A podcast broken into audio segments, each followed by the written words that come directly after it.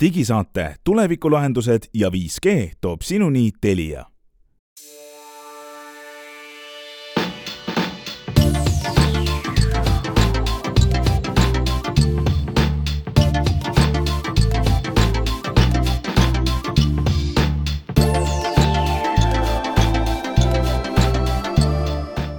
Tere, head kuulajad, kahekümne esimese novembri nimetud digisaade algab ja täna on teiega saates Hans Lõugas, Henrik Roonemaa, Glen Pilver ja Meelis Väljamäe.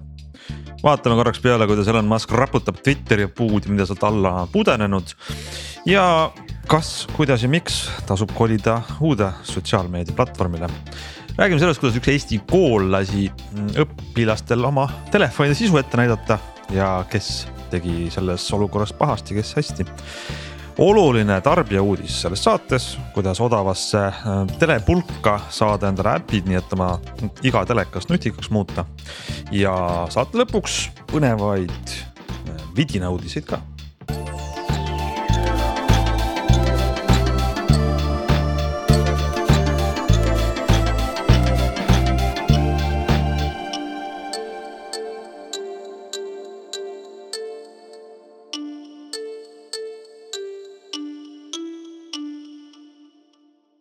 Nonii, üks nädal on möödas eelmisest, ähm, kui me rääkisime sellest, kuidas Elon Musk Twitteri juhtimise on üle võtnud, toonud kaasa sellega hirmus palju kära, kisa, kolinat, inimeste vallandamist, inimeste lahkumist, kasutajate viha, reklaamiandjate möllu. ja nädal on hiljem ja kõik see jätkub, aga Twitter ikkagi püsib, töötab edasi. see oli päris huvitav jah, ma rääkisin, äh, ma pean ütlema nüüd, et eelmine nädal me langesime selle äh, asja ohvriks me salvestasime eelmisel nädalal vist, kas see oli ka reedel või? ja Elon Musk parasjagu mm -hmm. möllas ja siis me isegi ütlesime moka otsast, et ega me ei tea, mis esmaspäevaks saab ja noh, juba olidki sündmused liikunud väga kiiresti, aga.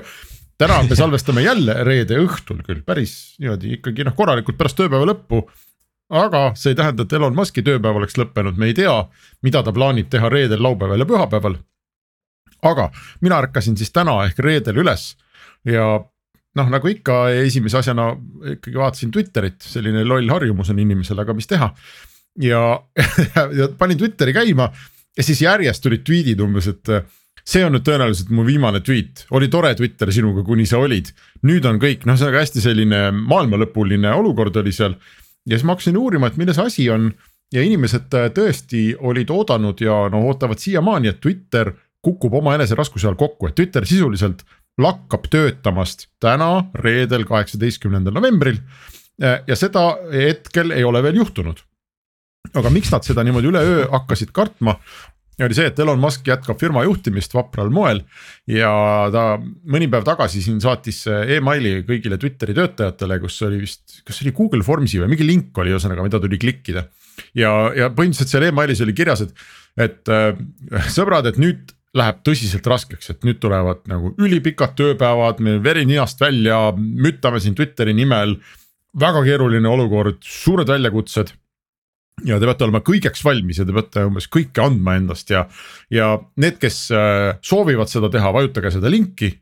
ja need, kes ei soovi, siis äh, teadke, et noh, teile on adjöö, eks, teiesugustel ei ole siin äh, Twitteris nagu midagi teha ja see, see siis läks paar päeva mööda ja siis täna ehk siis reedel, kui me salvestame reede hommikuks olid siis hakanud jõudma ajakirjandusse esimesed uudised sellest, et äh, enamus inimesi või noh, praktiliselt ütleme, mitte keegi Twitteris ei vajutanud seda linki, et, et praktiliselt mitte keegi väidetavalt ei tahtnud Elon Musk'iga jätkata ja, ja sellest järele jäänud, palju seal on töötajaid järel, kolm tuhat midagi, seitse midagi kolm, oli. ma oleks pakkunud viis. kolm kolm. kolm, no vot jah, et seal oli seitse tuhat midagi minu meelest oli ja Elon Musk lasi neist pooled lahti ja nüüd äh, nendest mõnest tuhandest, kes siis järgi jäid, väidetavalt valdav enamus on otsustanud äh, minema jalutada Twitterist. ja, ja juba tänaseks vist on, on minema jalutanud või, või otsuse teinud või sellest otsusest teada andnud äh, tervete oluliste selliste tuumiktiimide kaupa inimesi, kaasa arvatud tiim, kes maksab palka Twitteri inimestele on otsustanud praktiliselt in corpore lahkuda ja valdavalt ei ole siis lahkumise otsust teinud need inimesed, kes on tulnud tööle USA-sse, Twitterisse väljaspoolt USA-d, kelle viisa tingimustes on kirjas, et nad peavad seal Twitteris töötama ja neil on väga raske Twitterist lahkuda. aga noh, nagu ikka, segadust on väga palju igatahes kogu selle suure väidetava lahkumise peale noh, hakkasid kõik ootama, et kuna Twitter on ilma ilma meeskonnata ja ilma kaptenita, et siis ta on nagu laev, mis lihtsalt riivib merel ja noh, on ainult aja küsimus, kuni ta põrkab millegi vastu ja vajub põhja. ja seda on nüüd siis päev otsa oodatud, praeguseks hetkeks seda ei ole juhtunud. ja võib juhtuda, aga. see ei pruugi juhtuda täna, see võib juhtuda nädala pärast või noh. et mingi aeg need arvutid seal põlevad ise, tulukesed põlevad, eks ole, asjad jooksevad mm ei tea. ma pean ütlema, et, et tegelikult on ütleme jällegi, ma ei taha ära sõnuda nüüd, sest et kuigi nüüd pärast nagu kuuleb, siis on palju naermist, aga hetkel tegelikult ei ole midagi väljastpoolt näha, et on lahti. kõik toimib. kõik toimib mm, -hmm. inimesed säutsuvad, möllavad, info, pildid, videod, kõik liiguvad asjad. ja isegi üsnagi kiire on, mis jällegi ei tähenda, et ei võiks juhtuda. aga küll aga see on IT tööandjate mõttes on see selline õpetlik saaga mulle meenus lihtsalt selle kogu selle virvarri peale, no esiteks ma siin ka sirvisin uudiseid natukene, ma sain teada, et Twitteri kontor on praegu üldse kinni ja tehakse lahti siis, kui meie saade vist muutub avalikuks. just, just. kahekümne esimesest novembrist alles tehakse kontori uksed lahti, praegu on kõigil kaardid ära võetud ja öeldud, et puhake jalga nii et mida nad seal teevad, ma ei tea, aga see veel tuletas mulle meelde, aga oli see vist film, mille nimi oli Office Space, kui ma ei eksi, kus kus oli üks, üks tööline, kes paigutati keldrisse ja ja siis ta istus seal ja, ja tegi midagi ja, ja põhimõtteliselt tahtis lihtsalt nagu tööl käia, et, et noh, ja see natuke meenutab mulle ka seda, et sedasama momenti, et võib-olla lõpuks need asjad töötavadki nii, et tuleb välja, et ei olegi vaja seitset tuhandet ega kümmet tuhandet ega kolme tuhandet ega üldse mingeid töötajaid, need asjad lihtsalt nagu töötavadki ja, ja, ja seal ongi võib-olla hästi suur koht selleks, et, et võiks ju kriitilise pilguga üle vaadata, et kui on, kui on, kui on selline suur laev, mis purjetab tegelikult väga hästi ka ühe või kahe kapteniga, siis miks on vaja seal mingi mustmiljon. sa, sa muide, see ei ole üldse nali, mis sa räägid, et või, tegelikult mulle tundub, see ongi uue omaniku eesmärk mm -hmm. aru saada, et see on ülerahvastatud, paljud tiimid saaks jah. vähemaga hakkama aga, aga see võib juhtuda, et A ta on liiga kaugele ja B lihtsalt see meetod, kuidas ta seda teeb mm. -hmm. tähendab, et, et Twitter kui tööandjana on täiesti vastuvõetamatu väga palju. seda küll jah. absoluutselt, tegelikult seal ongi ju see, et kui sa ikkagi nagu vähendad seda meeskonda ma ei tea, poole võrra või kolm korda ja siis need ülejäänud, kes on järgi jäänud, peavad tegema kolm korda rohkem tööd, siis mitte keegi ei tee seda tööd kvaliteetselt ja võib-olla nad teevad seda tööd nagu enam-vähem mõistlikult mingi aja ja siis nad ikkagi kukuvad kokku ja põlevad läbi, eks ole, et nagu noh, see ei saa, see ei ole jätkusuutlik lähenemine mitte mingi ja ei noh, see, see on ka oluline point mainida, et ega sellised asjad ei juhtugi ruttu, et kui kontorid on kinni paar päeva ja inimesed ei käi kasvõi võib-olla mitu nädalat tööl, siis tegelikult see asi triivib ja töötab ikkagi edasi, kui tehnoloogia töötab, aga. no me teame ju, miks nad selle, miks see kontor kinni pandi, sellepärast et nüüd nad hakkavad selle aja jooksul installeerima seda kraanikaussi, mille Elon selle tõi mina muide olen valmis täitsa tunnustama Elon Musk'i jälle sellise julge, julge panuste panemise eest, mina ma, olen, ma tegin Twitterisse, Twitterisse kirjutasin ka, et äh, ma olen valmis praktiliselt kihla vedama, et esimesel jaanuaril kaks tuhat kakskümmend kolm ehk siis pooleteist kuu pärast on Twitter mitte ainult, et elus, vaid on ka tugevam kui kunagi varem. et äh, mina ei usu, et ühte ettevõtet on võimalik äh, nii kiiresti tappa ja mina ei usu ka, et Elon Musk on äriasjades nii loll, et ta selle nii kaugele laseks. ma arvan, ta on selline Donald Trumpilik läbirääkija või noh, selline. sa ei saa kunagi aru, mida ta mõtleb ja mida ta teeb ja kus on plaan ja kus on lollus ja kus on lihtsalt kaos, aga, aga ma arvan, et oma sisimas maailma kõige jõukam mees või noh, kes teab, kus ta parasjagu need aktsiad kõiguvad, on ju. Äh, aga ma arvan, et oma sisimas ta ei ole nii rumal ja ta ei lase neid asju nii kaugele, aga ta väänab käsi nii, et kõigil on väga valus ja võib-olla natuke tal endal ka. aga aga see asi äh, jätkub seal rõõmsalt, ma oleks väga imestunud, ma arvan, et see on ikkagi võimatu, et neljakümne viie miljardi dollariline firma üleöö kaob. Ma ei oska seda päris hästi ette kujutada. Ja, ja selline hea nagu reaalsuskontroll või reality check on see ka sellisele võib-olla tänapäevasele, mis iganes tähega generatsiooni sellisele kaasavale, kõiki arvestavale ja natuke nunnutavale juhtimisstiilile, mida eriti IT-firmades on ju harrastatud. Ehm, ja ma ei arva, et see on vale juhtimisstiil, aga ma arvan, et see Elon Musk'i selline haamri ja alasiga kohale lendamine on väga suur väljakutse sellisele noh ehm, ehm, kallistamisringi ja, ja kõiki arvestavale noh juhtimisstiilile, et see on hästi teistmoodi, eks. mõni võib-olla ütleb, et vanakooli juhtimisstiil või et noh, keegi lajatab ülevalt alla ja siis kõik teevad, et see on ka põnev näha, mis sellest välja tuleb aga, ja, ja kui palju inimesi seal nagu lõpuks on, kes sellega on nõus ja kes sellist nagu diktaatorlikku firma juhtimist on nõus ka IT-st taluma, väga huvitav vaadata.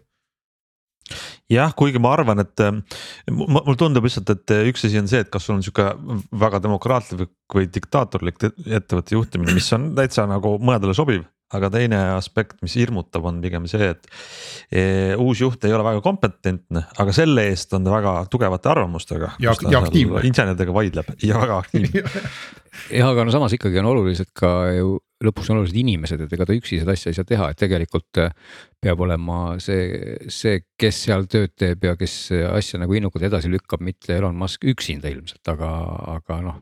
et ei saa nagu olla jah, ainult selline kuri boss, kes kõiki jõuga ajab tööle ja sealt ära, eks ole. no aga see viib meid see järgmise teemani, kuhu väga paljud lähevad, Twitterist on siis sait nimega Mastodon, mis on sihuke vabavaraline. Mastodon kukkus täna hommikul selle peale kokku, inimesed ei saanud oma kontosid teha, kui ma just tahtsin öelda, et, et see palju hullemini toimib ja kasutaja vaatenurgast, minul näiteks kas hommikul või mingi hetk lihtsalt märkis äpp, et ta on offline ja enam midagi ära ei ühenda ja pihta ei hakka ja, ja mingid serverid on maas. sest et no üks asi on, et on palju kasutajaid ja see keegi ei garanteeri mulle, et see teenus töötab, on ju. Mm, jah, aga mina muide arvan, et no vaata selline nagu loovisikuid äh, hoidev ja kõigiga arvestav juhtimisstiil ja et see, on tõenäoliselt väga hea selleks, kui on vaja firmas kreatiivselt midagi leiutada ja seda asja edasi viia ja edasi arendada ja. inimesed tulevad ideedega ja kõik tahavad panustada ja kõigil silmad säravad ja sa. sinu väljakutse juhina on võib-olla see, et, et kuidas inimestelt need head ideed kätte saada ja siis panna nad selle nimel tegutsema ja. aga Twitter ei ole, võib-olla Elon Musk on arvestanud sellega, et, et ta lihtsalt tahab, et Twitter mm, tiksuks praegu edasi et ta ei tahagi kogu, ta ei tahagi seda mitte kuhugi edasi viia, ta ei tahagi midagi arendada, ta ei tahagi mingeid särasilmseid tüüpe. ta tahab lihtsalt mingeid tunkedes vanasid, eks ole, kes noh, hoiaks juhtmed ühendatuna selleks, et ta nagu tänasel kujul tiksuks edasi.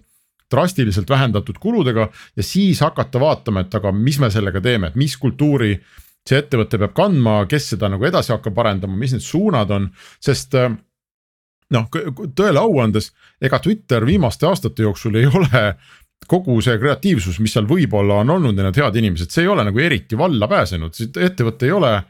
noh, mitte midagi tegelikult ju äh, arenduse mõttes nagu eriti teinud. Tweetide mingisugused muutmised äh, ja kõiksugune sellised arendusmõtted, mida Twitterilt on tahetud. reklaamimüügis ta ei ole mingi eriline tegija, eks ole, need reklaamid seal nagu ei toimi. et mida iganes see senine juhtkond ja senine töötajaskond proovis seal Twitteri arendamiseks teha. tulemuseks oli ikka see, et ta lihtsalt tiksus ja noh, miks siis mitte lammutada ära kogu see jura, mis ei tööta ja hoida teda tiksumas ja ehitada uus süsteem, mis äkki suudab. Maskil on tegelikult see probleem, et äh, enamus sellest rahast, mis ta Twitterist maksis, mida on väga palju, ei ole tema oma, ehk siis äh, see, ta peab seda kuidagi tagasi maksma, ehk siis tema eesmärk oleks panna Twitter kasumit teenima, ehk siis põhimõtteliselt kõik need kaheksa dollarised checkmark'id ja, ja kaasa arvatud kogu see reklaami business peaks ju selle eesmärgiga olema loodud, aga. aga oma juhtimisstiiliga ta on nagu enamus neid suure rahakotiga reklaamiandjaid sealt nagu praeguseks ära hirmutanud, et tegelikult see tegevus toimub vastupidisena sellele, mis. okei okay,, ma saan aru, et sa tahad teha seda firmat õhemaks ja vähendada kulusid, aga kui sa teed sellises stiilis seda, siis see nagu töötab eesmärgile vastupidiselt no saame näha, ma saan aru, et keegi teist ei taha minuga kihla vedada seal, et kas. ei, ma olen pigem nõus, et. ei, see on täitsa õige. laksust kokku jah aga, aga huvitavam oleks kihlvedu, kui sa paneks aastanumbriks kaks tuhat kakskümmend neli, esimene jaanuar, sest selle aja peale võib natuke rohkem midagi juhtuda. ma arvan, et siis on äh, tõenäoliselt Twitter õitseb. väga huvitav. see on ikkagi inimene, kes oska... on kogu maailma pööranud elektriautode usku praktiliselt üksinda ja viinud äh, kosmose täis mingeid satelliite, mis annavad äh, internetti üles ja alla võiks isegi öelda, et need on lihtsamad probleemid jah, minu jaoks on ka täiesti müstiline, et kuidas inimene, kes on suutnud kaks nagu sellist äh, üsna tugevalt reguleeritud alas töötavat firmat nii edukalt üles ehitada, on sellise kobarkäkiga hakkama saanud, eks ole, et see on äh, noh, põhjust ei taha võtta hästi ma ei, no veel ei tea. siin ei, ei ole mingi, mina ikkagi ütlen, et siin mingit käkki, et selles, selles hulluses on meetod inglise keeles on selline ütlus jah, võimalik. aga ma olen võib-olla tarbetult optimi-, optimistlik, et eks näeme. Aga Hans, oota, aga Mast-, Mastodoni juurde me juba korra jõudsime. mis seal siis nüüd on, kas äh, kõik eestlased, keda sa seni Twitteris jälgisid, on tänase seisuga sinna üle kolinud ei, ja sa peaks ei, ütlema, et tulge ei. kõik või? vastupidi, minu arust pole midagi muutunud, et on paar inimest on sinna tekkinud, aga. aga see sisu, mida jälgida Twitterist, seda seal Mastodonis minu jaoks ei ole, pluss ta on lihtsalt tõrgub oma oma ülekoormuse all, nii et ma ei tea, Mastodoni selline tähehetk on. see, see ei ole nagu uus mobiilimäng, mida kõik tõmbavad ja mängivad koos, sest et sotsiaalvõrgustiku väärtus on selles nii-öelda kontaktides minu arust see ei ole ju esimene laine, kus inimesed mm. väitsid, et nad lähevad massiliselt Mastodoni üle, et Mastodon ei ole ju tegelikult uus platvorm, ta on ikka mitu aastat olnud ja mina olen tast mitu aastat kuulnud ja mitte siiamaani pole mul kunagi tekkinud tunnet, et ma isegi tahaks vaadata, mis see selline on, et see ei ole pakkunud mulle piisavalt palju huvi, sest et seal ei ole nagu ilmselt piisavalt palju sisu võrreldes kasvõi Twitteriga, eks eks on igast valdkonnast, mis ma tean, ähm, on, on käputäis aktiivsemaid arvamusliidreid sinna läinud, et nagu inimesed sinna lähevad ja võib-olla nad toovad endaga kaasa mõne protsendi oma Twitteri jälgijaskonnast, aga väga pikk maa on veel minna, et, et üksteist asendaks. ma lihtsalt lõpetuseks võib-olla ütleks, et ega laiemas filosoofilisemas vaates ongi, ongi see ikkagi nii, et palju raha on ka seal, kus on palju inimesi ja samamoodi ka palju infot ja kui, kui seal on inimesed, siis tuleb sinna neid juurde ja kui seal ei ole inimesi, lähevad viimasedki ära. aga lähme äkki teema saatega edasi ja äh, pöörame korra pilgu Eesti uudistesse ähm, ja kes on uudiseid jälginud, on, on kuulnud ühte huvitavat lugu, äh, mis juhtus ühes Eesti koolis äh, lõppenud nädalal, see on siis äh, Audentese koolis. tegi üks õpilane Instagrami konto mm, ja selle teiste õpilastega koos aktiivsus viis selleni, et kooli siis töötajad, kooli juhtkond kutsus kokku õpilased seletuskirja kirjutama ja, ja kästi ette näidata kõik, kõigil omad telefonid kas nad jälgivad oma kontot või mitte, olete selle looga kursis? mina nägin pealkirja, nii et sa võid. ma natuke no, lugesin ka. enam-vähem juba oli selge, milles lugu muidugi on, nagu ma aru sain jah, et. aga siis vist läks, läks nagu käima piltlikult öeldes saag teemal, et kas siis, kas siis nii tohib teha, kas ahistatakse õpilasi või õpetajaid või, või noh, et ühesõnaga igalühel oli arvamus jah, natuke selline, kuidas öeldakse, digitaalne huligaansus, sest Instagrami konto ei olnud mitte selleks, et kooli ähm, kooli ja töötajaid kiita, vaid pigem äh, oli siis seal taga koguti teistelt õpilastelt äh,, kuidas öelda, kommentaare, pehmelt öeldes, solvanguid, mis siis Instagrami konto edasi jagas. ja, ja mm, kooli juhtkond üritas seda siis äh, lõpetada ja aga pahandus tõusis, eks ole, mitte sellest lõpetamisest, vaid pahandus tõusis mingisugusest veidrast sündmustikust, kus äh, kool äh, kogus need õpilased praktiliselt kõik siin aulasse kokku, kõik kirjutasid seletuskirja. Mm, ja siis, miks meie sellest siin saates räägime, ähm, järgnes selline veider sündmustik, et äh, õpilased sel ajal, kui nad seletuskirja kirjutasid, siis ma saan aru, et nende telefonid olid neil laua peal, igalühel oma laua peal. ja siis läks mingi koolitöötaja, luges selle seletuskirja läbi ja seletuskirjas pidi siis ka, ma saan aru, kirjutama, et kas õpilane jälgib seda kontot või mitte. ja siis direktor ütleb, et see oli aususe kontroll. et siis kästi igal õpilasel oma telefon avada ja näidata kooli töötajale, kas ta jälgib seda -hmm. kontot või mitte.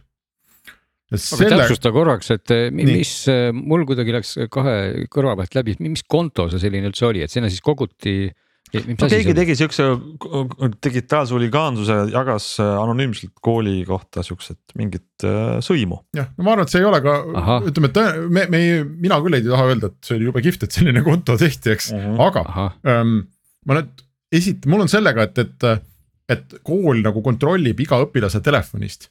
kas õpilane jälgib seda kontot või mitte, mul on sellega kaks väga suurt probleemi. esimene on see, et ma võin jälgida Eesti riigis isegi vanakuradi vanaema Twitteris, kui ma tahan või, või kuskil mis iganes Instagramis või Tiktokis.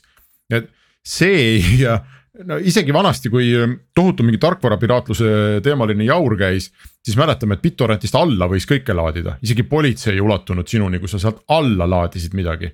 Eh, probleem oli üleslaadimine, see oli, see oli nagu kuritegu, ehk ma ei, ma, minu mõistus tõrgub aru saamast, mida kool saavutab sellega või, või miks on keelatud mingi konto jälgimine.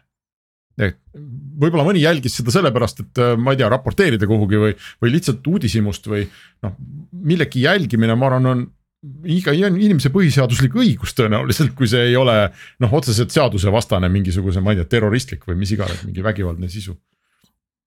ja isegi siis Just. ma küsiks, et kas võib ja teine asi on see, et kas see kooli, kas need õnnetud inimesed, kes koolis töötavad, kas nad nagu korraks peatusid ja mõtlesid, kas nad tahavad võtta endale seda vastutust. et tegelikult nagu lasta silme eest läbi, keda, mis kontosid iga üksikse kooli õpilane jälgib. sest selle teadmisega võib, võib nagu vaese koolitöötaja nagu pähe tekkida väga palju vastutust. kujutage ette, kui seal on mingisugune, kui, kui on mõned lapsed, kes jälgivad näiteks äh, ma ei tea äh,, gei või transsooliste teemasid, teemalisi kontosid. aga nad on noh alaealised, eks nad on alles otsingute teel Äh, võib-olla keegi jälgib mingit koduvägivalla või mingisugust no, või veel mingit hullemat nagu asja, mis on üliprivaatne. siis ma, ma, minu, minu mõistus nüüd eriti tõrgub arusaamast, et kuidas on võimalik, et mingisugused inimesed, täiskasvanud inimesed koolist sunnivad lapsi laotama oma sellist nagu eraelu niimoodi avalikkuse ette ja veel tahavad võtta endale seda vastutust, et sa järgmine kord vaatad seda klassi õpetajana ja sa näed, et seal istub see laps, kelle kohta sa tead, et äh, ma ei tea, temast võib-olla kasvab gei.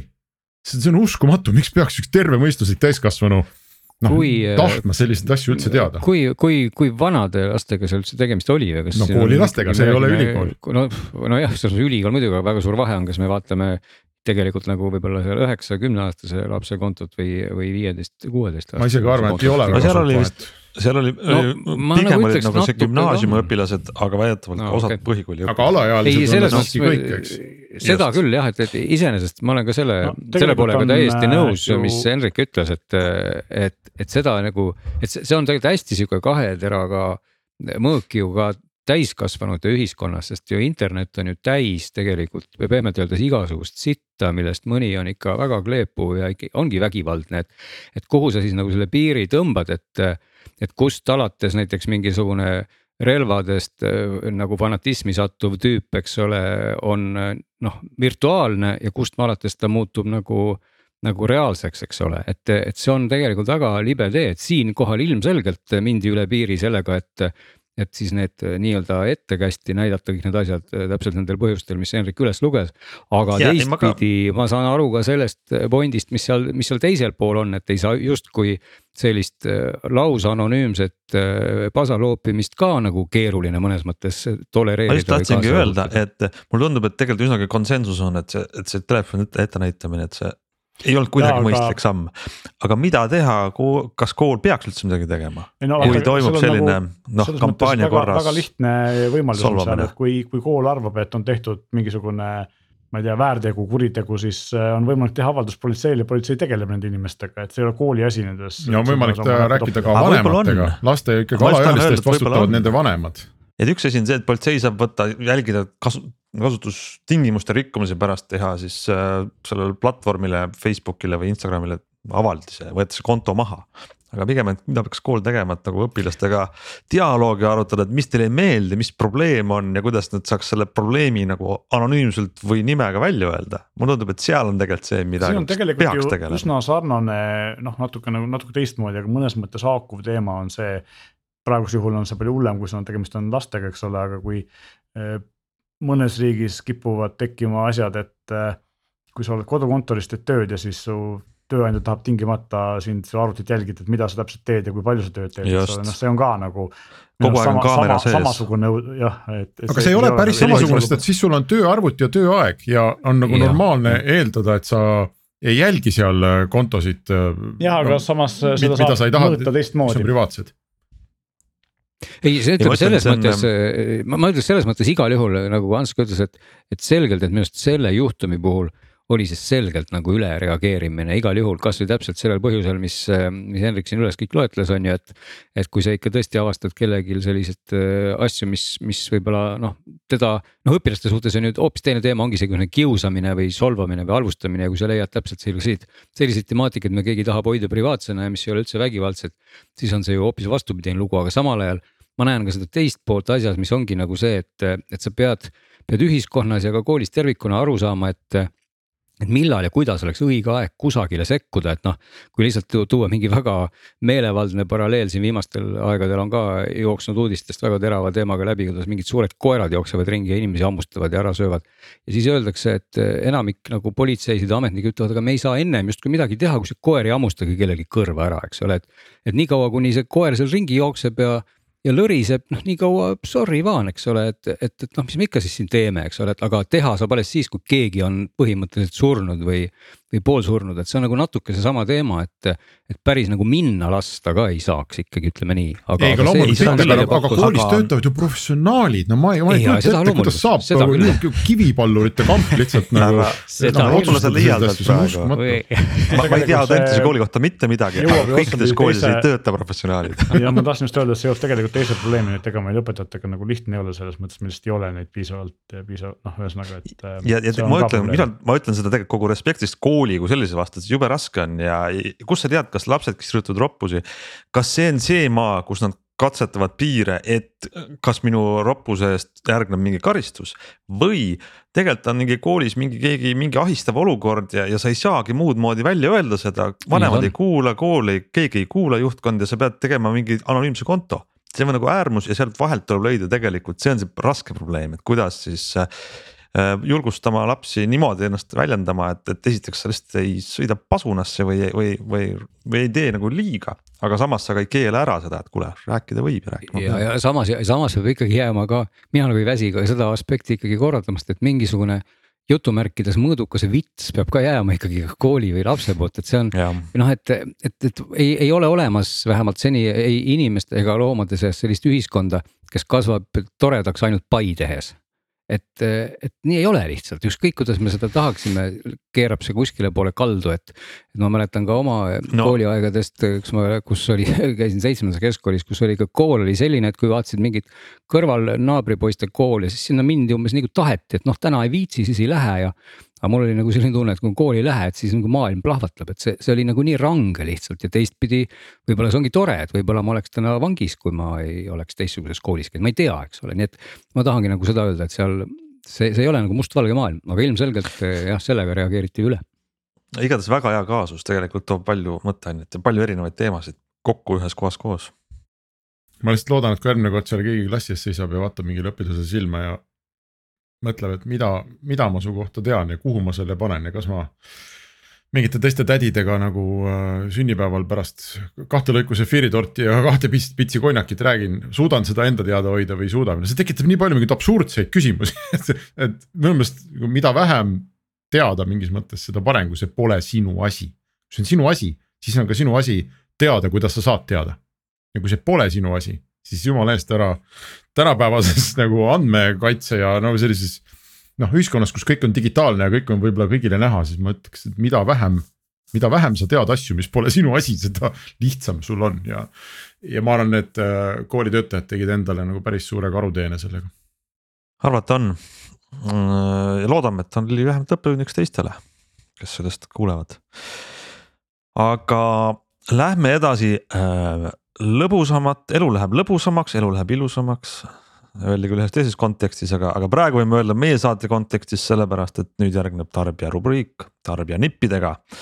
ja juba hulk saateid tagasi, võib-olla neli-viis, kümmekond tagasi oli meil juttu äh, striimingu teenustest, oli juttu telekatest, oli juttu sellest, et kuidas lõpuks on väga lihtne ühe nutika pulgaga teha ükskõik milline telekas targaks. ja need pulki on erinevaid, üldiselt käivad HDMI pesasse telekale ja see pulk ise on väike arvuti, mis sisaldab kõiki neid äppe ja rakendusi, mida siis näiteks nutitelekas oleks sees.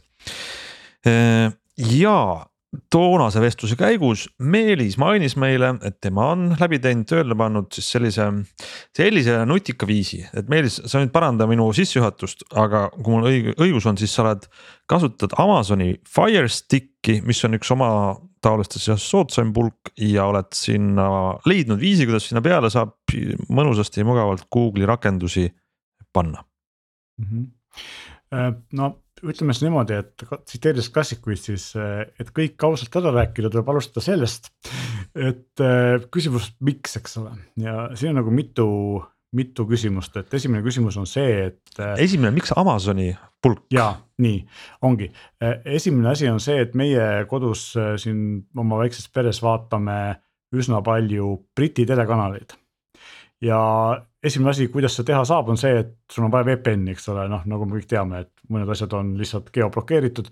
teine asi on see, et mina, minu esimene ja teine, teine soov mul oli, et ma saaksin kõiki asju teha ühe seadmega ja algselt ma panin suhteliselt suured lootused äh, selle Telia Androidiga boksi peale, eks ole, kuna noh, teadsin, et see oli tulemas. ja seal oli, kui see boks tuli, siis minu esimene üllatus oli see, et üllatus-üllatus, aga Telia suutis teha saja neljakümne eurose boksi, mis ei toeta Netflixi, sest nad ei tahtnud sellest maksta, nagu ma aru saan.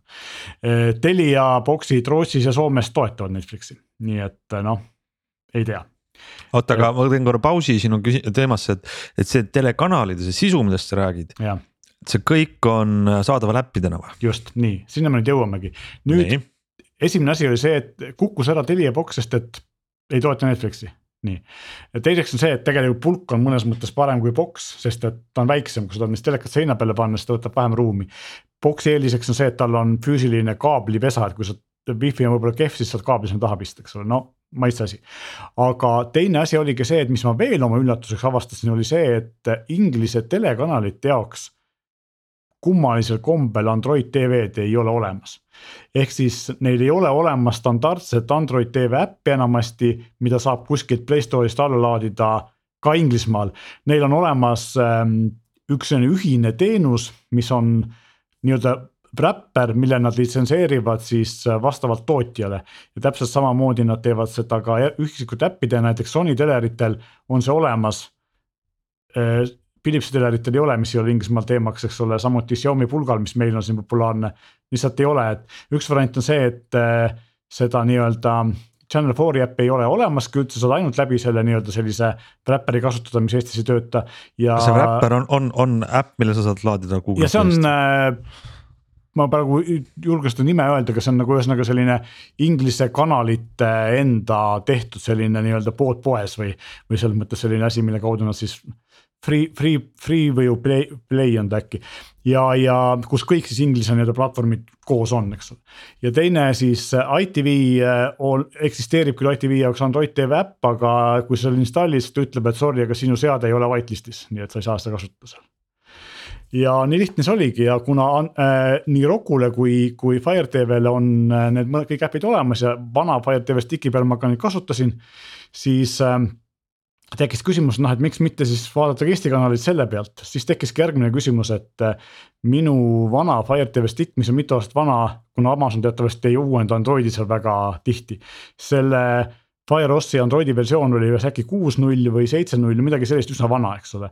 ja uuemad äpid nõuavad uuemat Androidi, Telia TV-l on see miinimum kaheksa ja vist äh, Go3-l on seitse, ehk siis Eesti asjad ei töötanud seal peal ja kolmas põhjus oli see, et ma tegelikult tahtsin saada, et mu asjad töötaksid ühest puldist ja selle uuemal Fire TV stick'il on siis olemas kolm olulist nuppu, need on mute, et ma saaksin heli välja lülitada. Need on helitugevuse reguleerimine, need on teleri sisse-välja lülitamise nupp, eks ma saan teleri puldi ära panna, kasutada kõike sellest ühest pulgast, pulgapuldist. ja siis ma tellisingi omale Amazonist, kuna neid Eestisse ei saadeta või saadetakse mingit rahvusvahelist versiooni, mis maksab äh, topelt, kui see nüüd Inglismaal, Inglise kodanikele maksaks. tellisin e-shop e-drop äh, siis Leedu vahendusfirma kaudu äh, selle nende Saksa, Saksa Amazonist nende Saksa vahendus sinna putkasse ja siis nad saatsid selle mulle kuue euro eest, nii et või kaheksa eurost, midagi sellist. sain ta kokkuvõtteks ikkagi alla neljakümne euro kätte, kõige, kõige kangemasse, kõige viimase, et tegelikult päris hea hind, eks ole ja, ja, ja siis ma hakkasingi sellega nagu möllama, et õnneks, kuna mul oli Amazoni konto olemas, siis kõik need inglise kanalid ja Netflixid ja muud asjad, mis mul olid, tulid nagu umbes nagu iPhone'il, et logisin sisse ja kõik oli automaatselt olemas, eks ole, nii et, et selles mõttes see, see oli nagu väga valutu. ja, ja siis ma üritasingi hakata seda Teliat sinna peale saama ja ja esimese asjana, mis tuleb teha, on see nagu ikka sellistel asjadel, see, mida ma nüüd räägin, tuleb teha oma vastutusel, ehk siis, et kõik on mitteametlik. kruvi, kruvikarp lahti, ühenda kaks klemmi teise kohta ei äh, Amazon ega, ega Telia ei, ei vastuta selle eest, kui see asi teil ei tööta või midagi juhtub, eks ole. et ühesõnaga tegelikult on siis niimoodi, et kõigepealt tuleb tõmmata sealt Amazoni App Store'ist selline äpp nagu Downloader, mis on selline brauseri moodi lahendus, mis laseb sul siis erinevaid faile alla laadida. ja menüüst tuleb nagu ikka Androidiga seadmetel aktiveerida siis developer options ja alt see, et luba installida mitte poes võetud äpp, eks ole. ja siis downloader'iga mina installisin sellise asja nagu Aurora Store, mis on selline.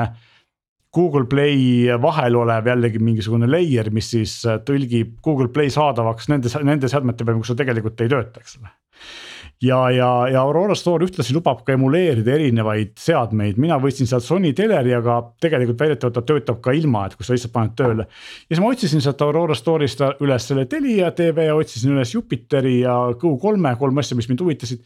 installisin ära, üllatus, üllatus, kõik töötasid suurepäraselt ja ainuke asi, mida ma ei leidnud, oli Elisa elamus, aga ma ei tea, miks, aga ma tean, et seda saab ka nii-öelda eraldi APK-na installida, töötab küll, nii et ei tohiks olla probleemi. ükski neist ei vaja Google'i teenuseid, mis on tavaliselt Amazoni pulkade puhul probleemiks, eks ole, ja seal ta töötab ilma nendeta täiesti ilusti. huvitav on see ja ma ei oska öelda, kas see on Telia küsimus, aga eh, Telia äpi põhimiinus Androidi seadmetel minu jaoks on olnud see, et ta avaneb aeglaselt, ehk siis kui ma Telia äpi lahti teen, siis tükk aega on see rõngas seal ees ja mõtleb. et teistel äppidel mitte ühelgi avamine nii kaua aega ei võta. aga nii naljakas, kui see ei ole, siis Fire TV peal ta avaneb kiiremini, kui avaneb selle eh, näiteks selle Xiaomi boksi peal või siis ka Telia enda boksi peal, eks ole. Telia enda boksi peal on ta natuke kiirem kui Xiaomi pulga peal ilmselt sellepärast, et talle on antud seal mingi prioriteet sisus, loogiline oleks, eks ole. aga Fire TV peal on ta kõige kiirem, minul on seal veel üks kummaline asi, mis on ähm, noh, loogiline, on see, et üks geobloki meetod Channel 4 äpil on see, et ta vaatab su seadme aega, ehk siis saaks samas ajavööndis. ehk siis mul on pandud selle Fire TV stick'i kell on pandud kaks tundi tagasi ehk inglise aja peale, muidu ta ütleb kohe, et unusta ära, ma ei mängi. mis tähendab seda, et Telia tv samas seadmes ei näita mulle telekava, sest et lihtsalt noh, aeg ei klapi, eks ole, loogiline ju. eks on, on probleeme, aga töötab ilusti ja Go3 töötab ka muideks väga ilusti, näitab kanaleid ja noh, Jupiter samamoodi, nii et. et mina sain nagu lahendatud, et ma ei oska, küsige, kui teil on küsimusi.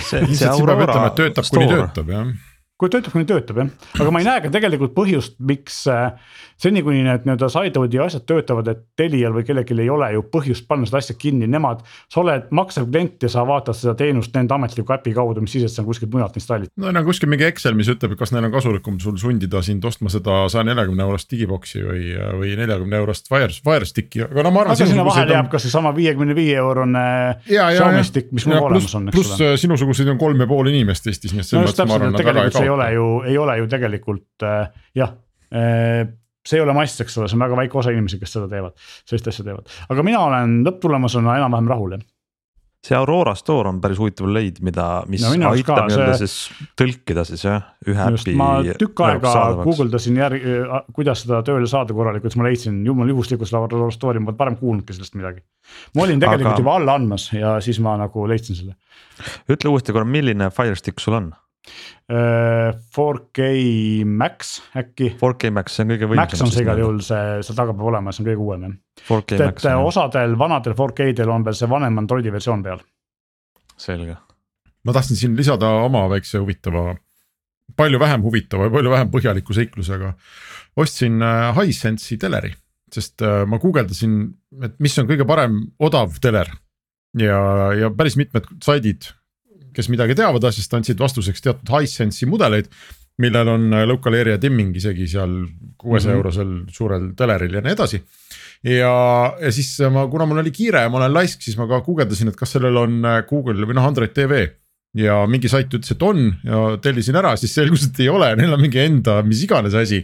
Neil on jah see, et odavamatel ei ole ja kallimatel on. jah, ja, ja huvitav on see, et puldi peal on, vot mul ei ole pulti käepärast, aga mulle tundus, et vähemalt kuus nuppu erinevate streaming teenustega, kus sa saad otse. selleks, et saada seda nõusoleku sinna platvormi peale minna, peavad, tahavad oma nuppu saada. ja, ja, ja, ja, ja, ja mis on huvitav, et mis iganes tarkvara nad seal teleris kasutavad, see toimib välgukiirusel. ma ei ole nii kiiret teleri operatsioonisüsteemi on, veel nagu nutiajastul äh, näinud. Linuxi peal ja HTML5, eks ole, ongi kõik, et ta Super, ei erine väga palju teistest, aga, aga aga mida ei ole, muidugi on kõik need äpid, millest me oleme siin rääkinud, Go3-d ja, ja, ja, ja, ja mida nad, neid ei ole lihtsalt seal poes on ju. ja, ja siis ma otsisin lahendust ja mina ei teadnud, et on olemas Google'i Chromecasti pulk äh, Google TV-ga ehk mingi, mingi, mingi versioon sellest on, on see, kus on see Android tv ka sisse, Chromecasti pulgale sisse ehitatud. ja see hind on midagi sarnast, nagu Meelis ütles, vist oli natuke kallim, 4K versioon oli viiskümmend no või kuuskümmend eurot. Eestis on ta kaheksakümne euro kandis, aga mujal on ta vist odavam jah. jah, ja, ja, ja ka toimib super hästi, pult on kaasas, Chromecast samamoodi läheb HDMI-sse. Äh, ja sul on siis see Chromecasti jubin, pluss sul on kogu see Android tv, Google Play poe ja noh, kõikide äppidega, mis sa tahad ja samamoodi väga kiire ja väga mõnus, ma olen, olen nagu super rahul, et ma ei teadnud, et, et otse Google'i käest ka tegelikult noh, saab digiboksi. et, et noh, selle küsimuse juures, miks mul oleks vaja osta kaks-kolm korda kallimalt äh, mingisugune Eesti digiboks, mis toetab või ei toeta mingeid asju, ei olegi nagu head põhjust. yeah.. aga ma võin äh, rääkida siia juurde, kui sa just hakkasid telekast rääkima ja, ja sellest, missugune tarkvara seal peal on, siis.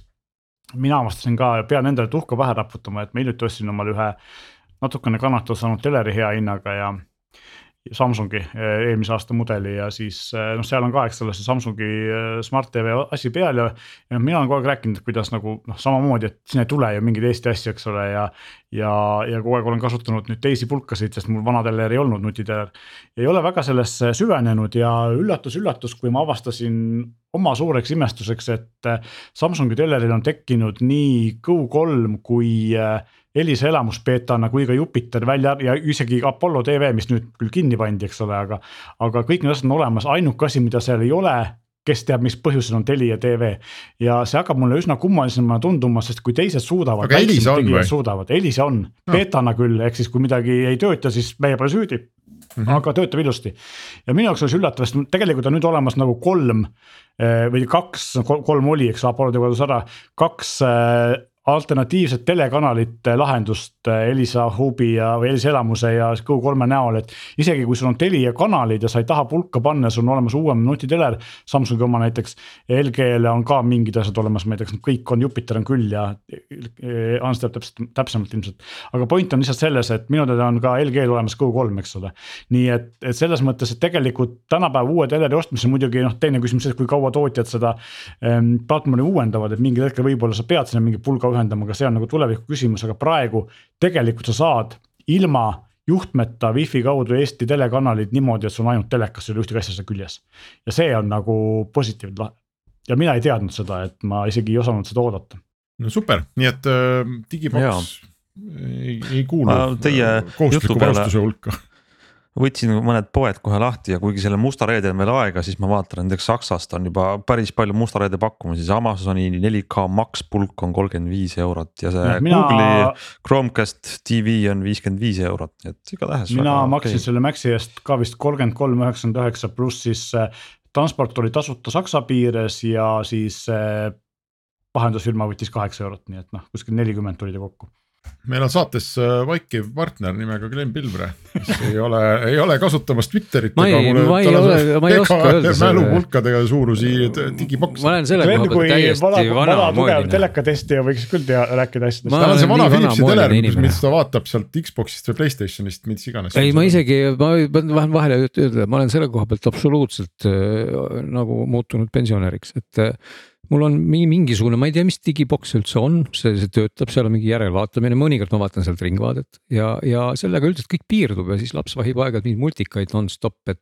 et ma tõesti nagu kuulan ja, ja noh, saan targemaks, aga, aga see kõik tundub mulle, ma pean ütlema pehmelt öeldes keeruline, et kui ma proovisin Meelis juttu jälgida, siis see ei olnud lihtne, et selles mõttes ma nagu soovitan inimestel, see oli väga asjalik jutt, et seda tuleb mitu korda kuulata. Nendele, nendele kolmele kuulajale, keda see huvitab.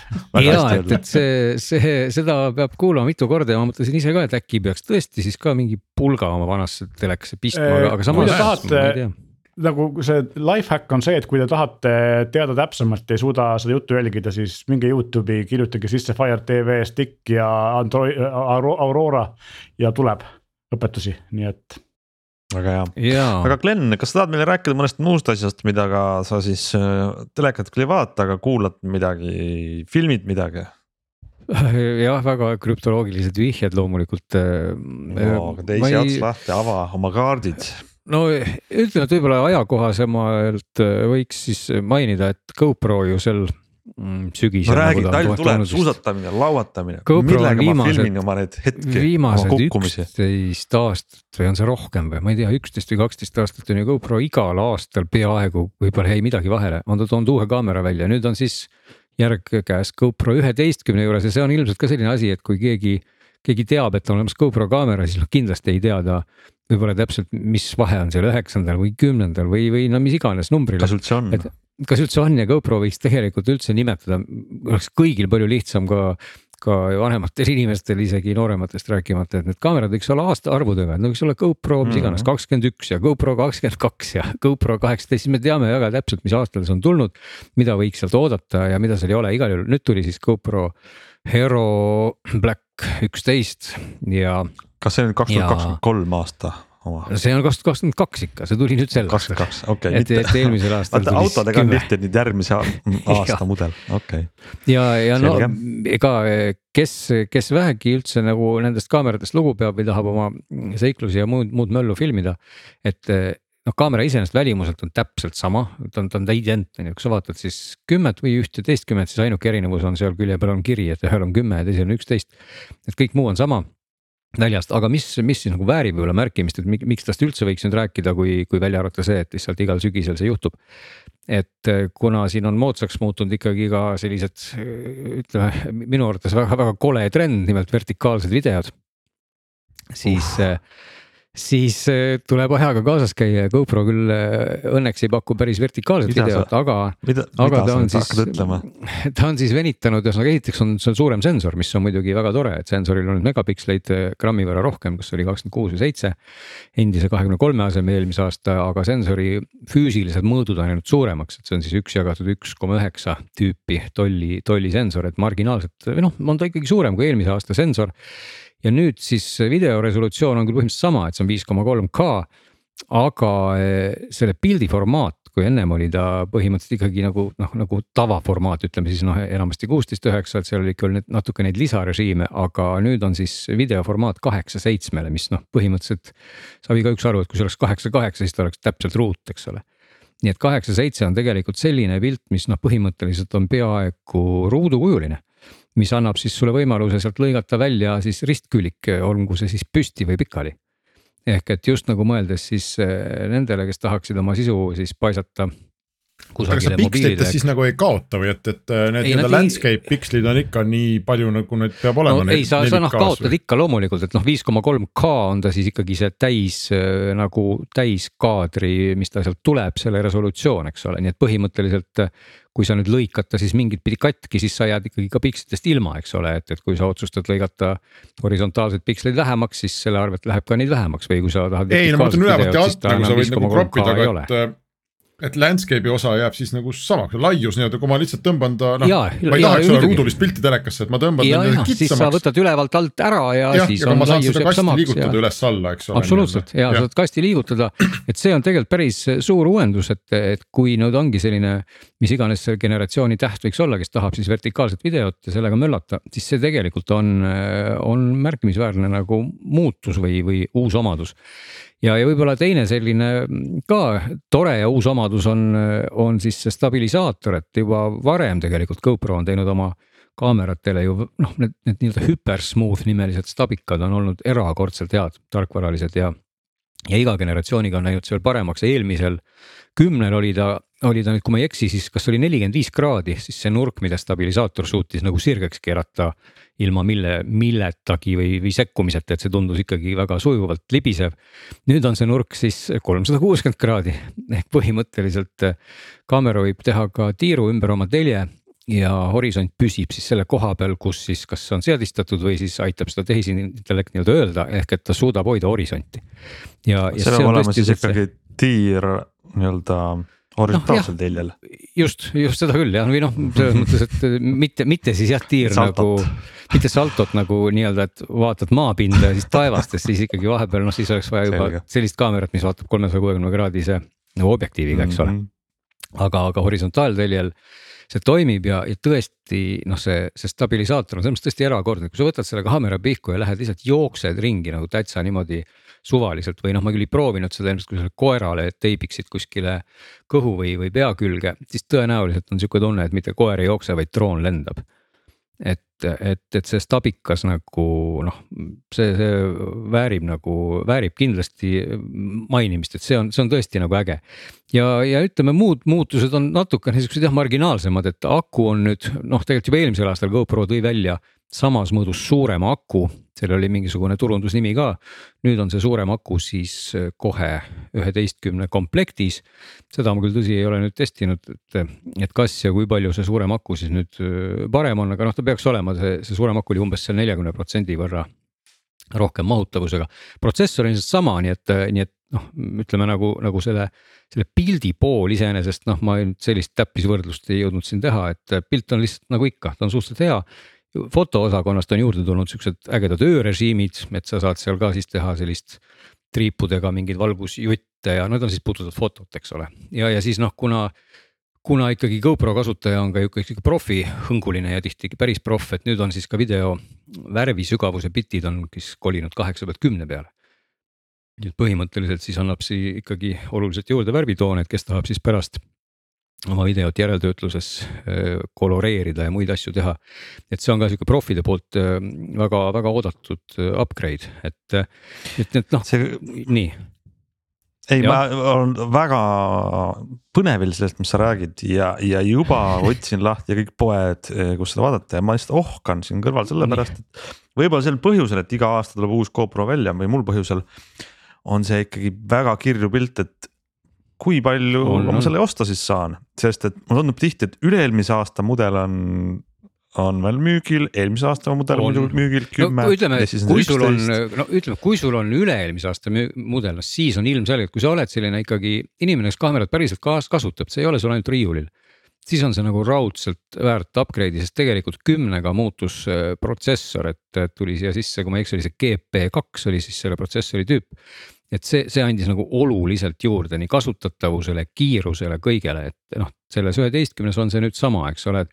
et pigem, kui sa oled selline aktiivne kasutaja, siis isegi sa võid kaaluda, kas see upgrade kümnest üheteistkümnele on väärt, noh, kui sa tahad seda ruudukujulist videot või tahad seda hüper-super stabilisaatorit, noh, siis on point, eks ole, aga noh, kui sa oled selline võib-olla tavaline hobisportlane, kes korra ma ei tea, kuus või paar korda aastas võtab kaamera riiulilt, siis noh, ilmselgelt ei, ei ole vaja nüüd tormata poodi seda eelmist põlvkonda välja vahetama, eks ole, et. et võib-olla siin noh, isegi võib teha ka seda järeldust natuke GoPro enda sellisest turundust tagline'ist või, või pealkirjast, et kui.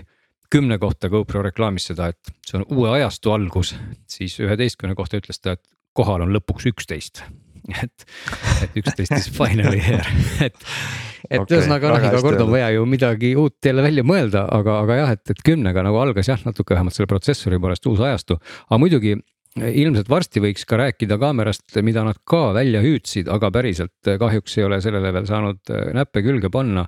nimelt üle hulga aja GoPro tegi ka siis jälle väiksema versiooni ehk et kui praegu need, millest me räägime, on ikkagi sellised noh, läinud natuke suuremaks tikutopsiks kogu aeg, siis omal ajal oli GoPro'l kaamera nimega Session, mis oli pisike kuubik ja, ja nüüd tegelikult sellest samast üheteistkümnest siis ka tehti versioon, mis on ilma ekraanita ja on ka kuubik, mille nimi on siis üksteist mini.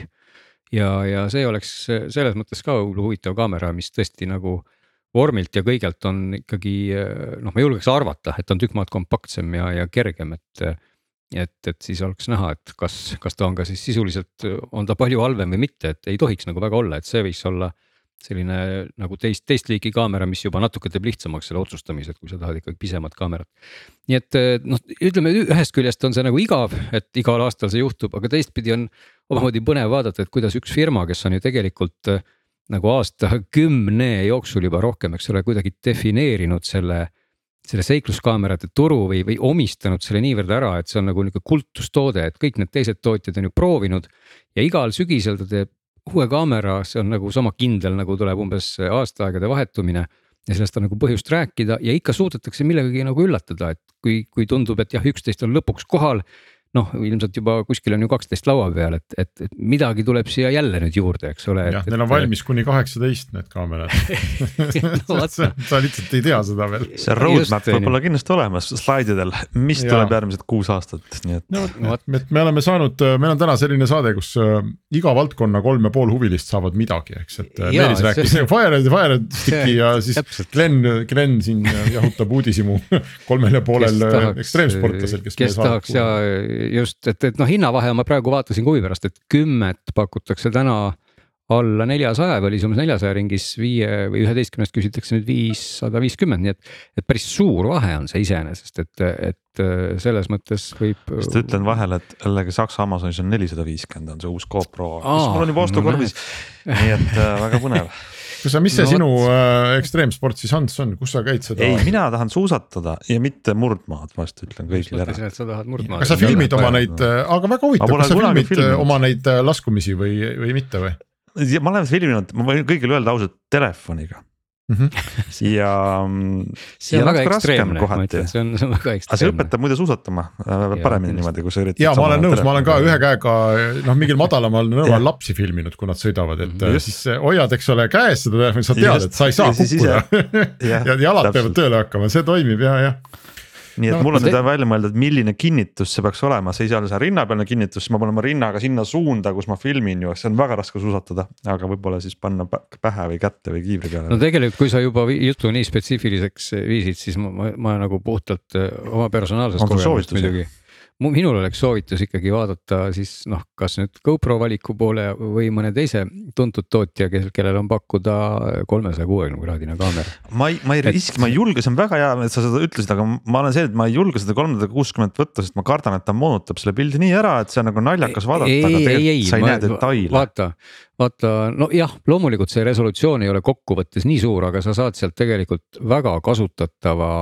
pildi, mida siis vaadata pärast noh, nii-öelda mitte, mitte niimoodi nagu see olekski kogu aeg mingi mulli sees, aga sa võid sealt lõigata siis need huvitavad kaadrid, sest kui keegi seal kusagil teeb mingisuguse asja, mis sinu kaadrisse ju muidu ei jääks, siis kolmesaja kuuekümnega jääb, sa saad filmida ette-taha, lihtsalt see on äge ja kui sul on juhtumisi olemas virtuaalreaalsus peakomplekt, eks ole, siis sa paned selle video sealt mängima ja, ja oh imet, oled ise nagu seal suusatad mäest alla, et ma mäletan, et, et just see oli umbes samal ajal, kui sai prooviks mingit kaadrit tehtud ja oli see Oculus'e Äh, ostmise aeg just ja siis ma pärast avastasin, et õudselt äge on, et, et sa vaatad seda nii-öelda oma laskumisvideot pärast nendest äh, peakomplekti prillidest ja vahid siis ette-taha külje peale üles ja, ja kihutad mäest alla, et see on äge kas sa, Glen, oled võrrelnud äh, seda GoPro-t ka mõnede teiste kaameratega, ma pole ammu-ammu kursis, ma tean, et DJI-l on mingisugune suhteliselt mõistlik kaamera. no sellist, on et..., ei ole nüüd otseselt äh, loomulikult seda ühte-teist ei ole võrrelnud. Äh, no ta on kindlasti parem praegu, ta on ilmselt hetkel praegu kõige aga, kõvem, aga, aga seal on aga, nagu konkurentsi nagu, ka. Nagu, on ikka, aga üldiselt noh, ma mäletan, et kui DJI tuli selle esimese oma kaameraga välja ja pigem oli see selline, see oli täpselt nagu see efekt natukene, et et olid mõned asjad, kus selline uus tulija nagu võib-olla ongi tehniliselt võib-olla nagu kuidagi üle või mingitelt spekkidelt. aga GoPro tugevus nagu seisnes sellises ühtses tervikus, et ta, ta näiteks salvestas väga naturaalset häält, see, see pilt, see hüperstabilisaator oli nagu ülihea. ja olid siuksed, siuksed kokkuvõttes kuidagi, kuidagi oli nagu see efekt, miks, miks mingisugune tuntud bränd oskab teha hästi autot ja keegi, kes hakkab seda võib-olla tegema eelmisel aastal, ei saa aru, et ma ei tea, piduriklotsid tuleb hoopis niimoodi panna, siis nad pidurdavad paremini, et. et GoPro'l on nagu sellist know-how'd taskus, mille baasil nad tegelikult äh, tänaseni ikkagi väga hästi toimetavad ja mitte üldse ei ole nagu pidama jäänud ja muidugi rääkimata sellest, et. et kogu see kinnituste maailm, mida me kõik tegelikult äh, noh, pehmelt öeldes ju kopeerivad, et ükskõik, mis teise tootja sa võtad, siis kindlasti on neil, kui mitte karbis, siis saad juurde osta nende kinnituse, mis sobib GoPro kinnitusega, eks ole et tegelikult GoPro äh, maailm ikkagi on selles mõttes nagu noh, see standard on nii, nii kindel ja. ja see ongi seesama koht, et kui ma täna tahaks ise filmida ükskõik mida, kas siis töö jaoks või video, ütleme. noh, nii-öelda produktsiooni jaoks või oma tarbeks, siis, siis kuidagi äh, ma tean, et ma võtan GoPro ja ma tean, et kaamera taha see nagu ei jää ja ikkagi võib muidugi vaielda selle koha pealt mingite nüansside või kasutusmugavuste, aga aga suures plaanis on, on GoPro ikkagi number üks nagu täitsa põhjusega jah. nii, kui meil on äh, saate failis on veel mitu asja, aga vaadates no, kellaaega, mis on täiesti lõhki, siis ja. Äh, me isegi ei ütle praegu, mis asjad need on, jäägu need kõigile üllatuseks. ja tõenäoliselt on õige aeg äh, saade ära lõpetada, sest et nagu ma olen aru saanud, paljud inimesed kuulavad meie saateid sporti tehes ja meie saate pikkus on praegu ligi tund ja kui me siin veel kakskümmend minutit äh, jauraks, siis inimestel läheks spordi tegemise rütm täiesti sassi. ja, ja sellest sünniks palju paksu pahandust väga paras trenniaeg et meie lõpetame siin oma jutu ära ja. venituste äh, harjutusi tegema. ja kui just minge venitage äh, ja kui te järgmisel nädalal jälle peaksite sporti tegema, siis me oleme järgmisel nädalal jälle tagasi. ja samal ajal ja samas kohas, nii et kuulmiseni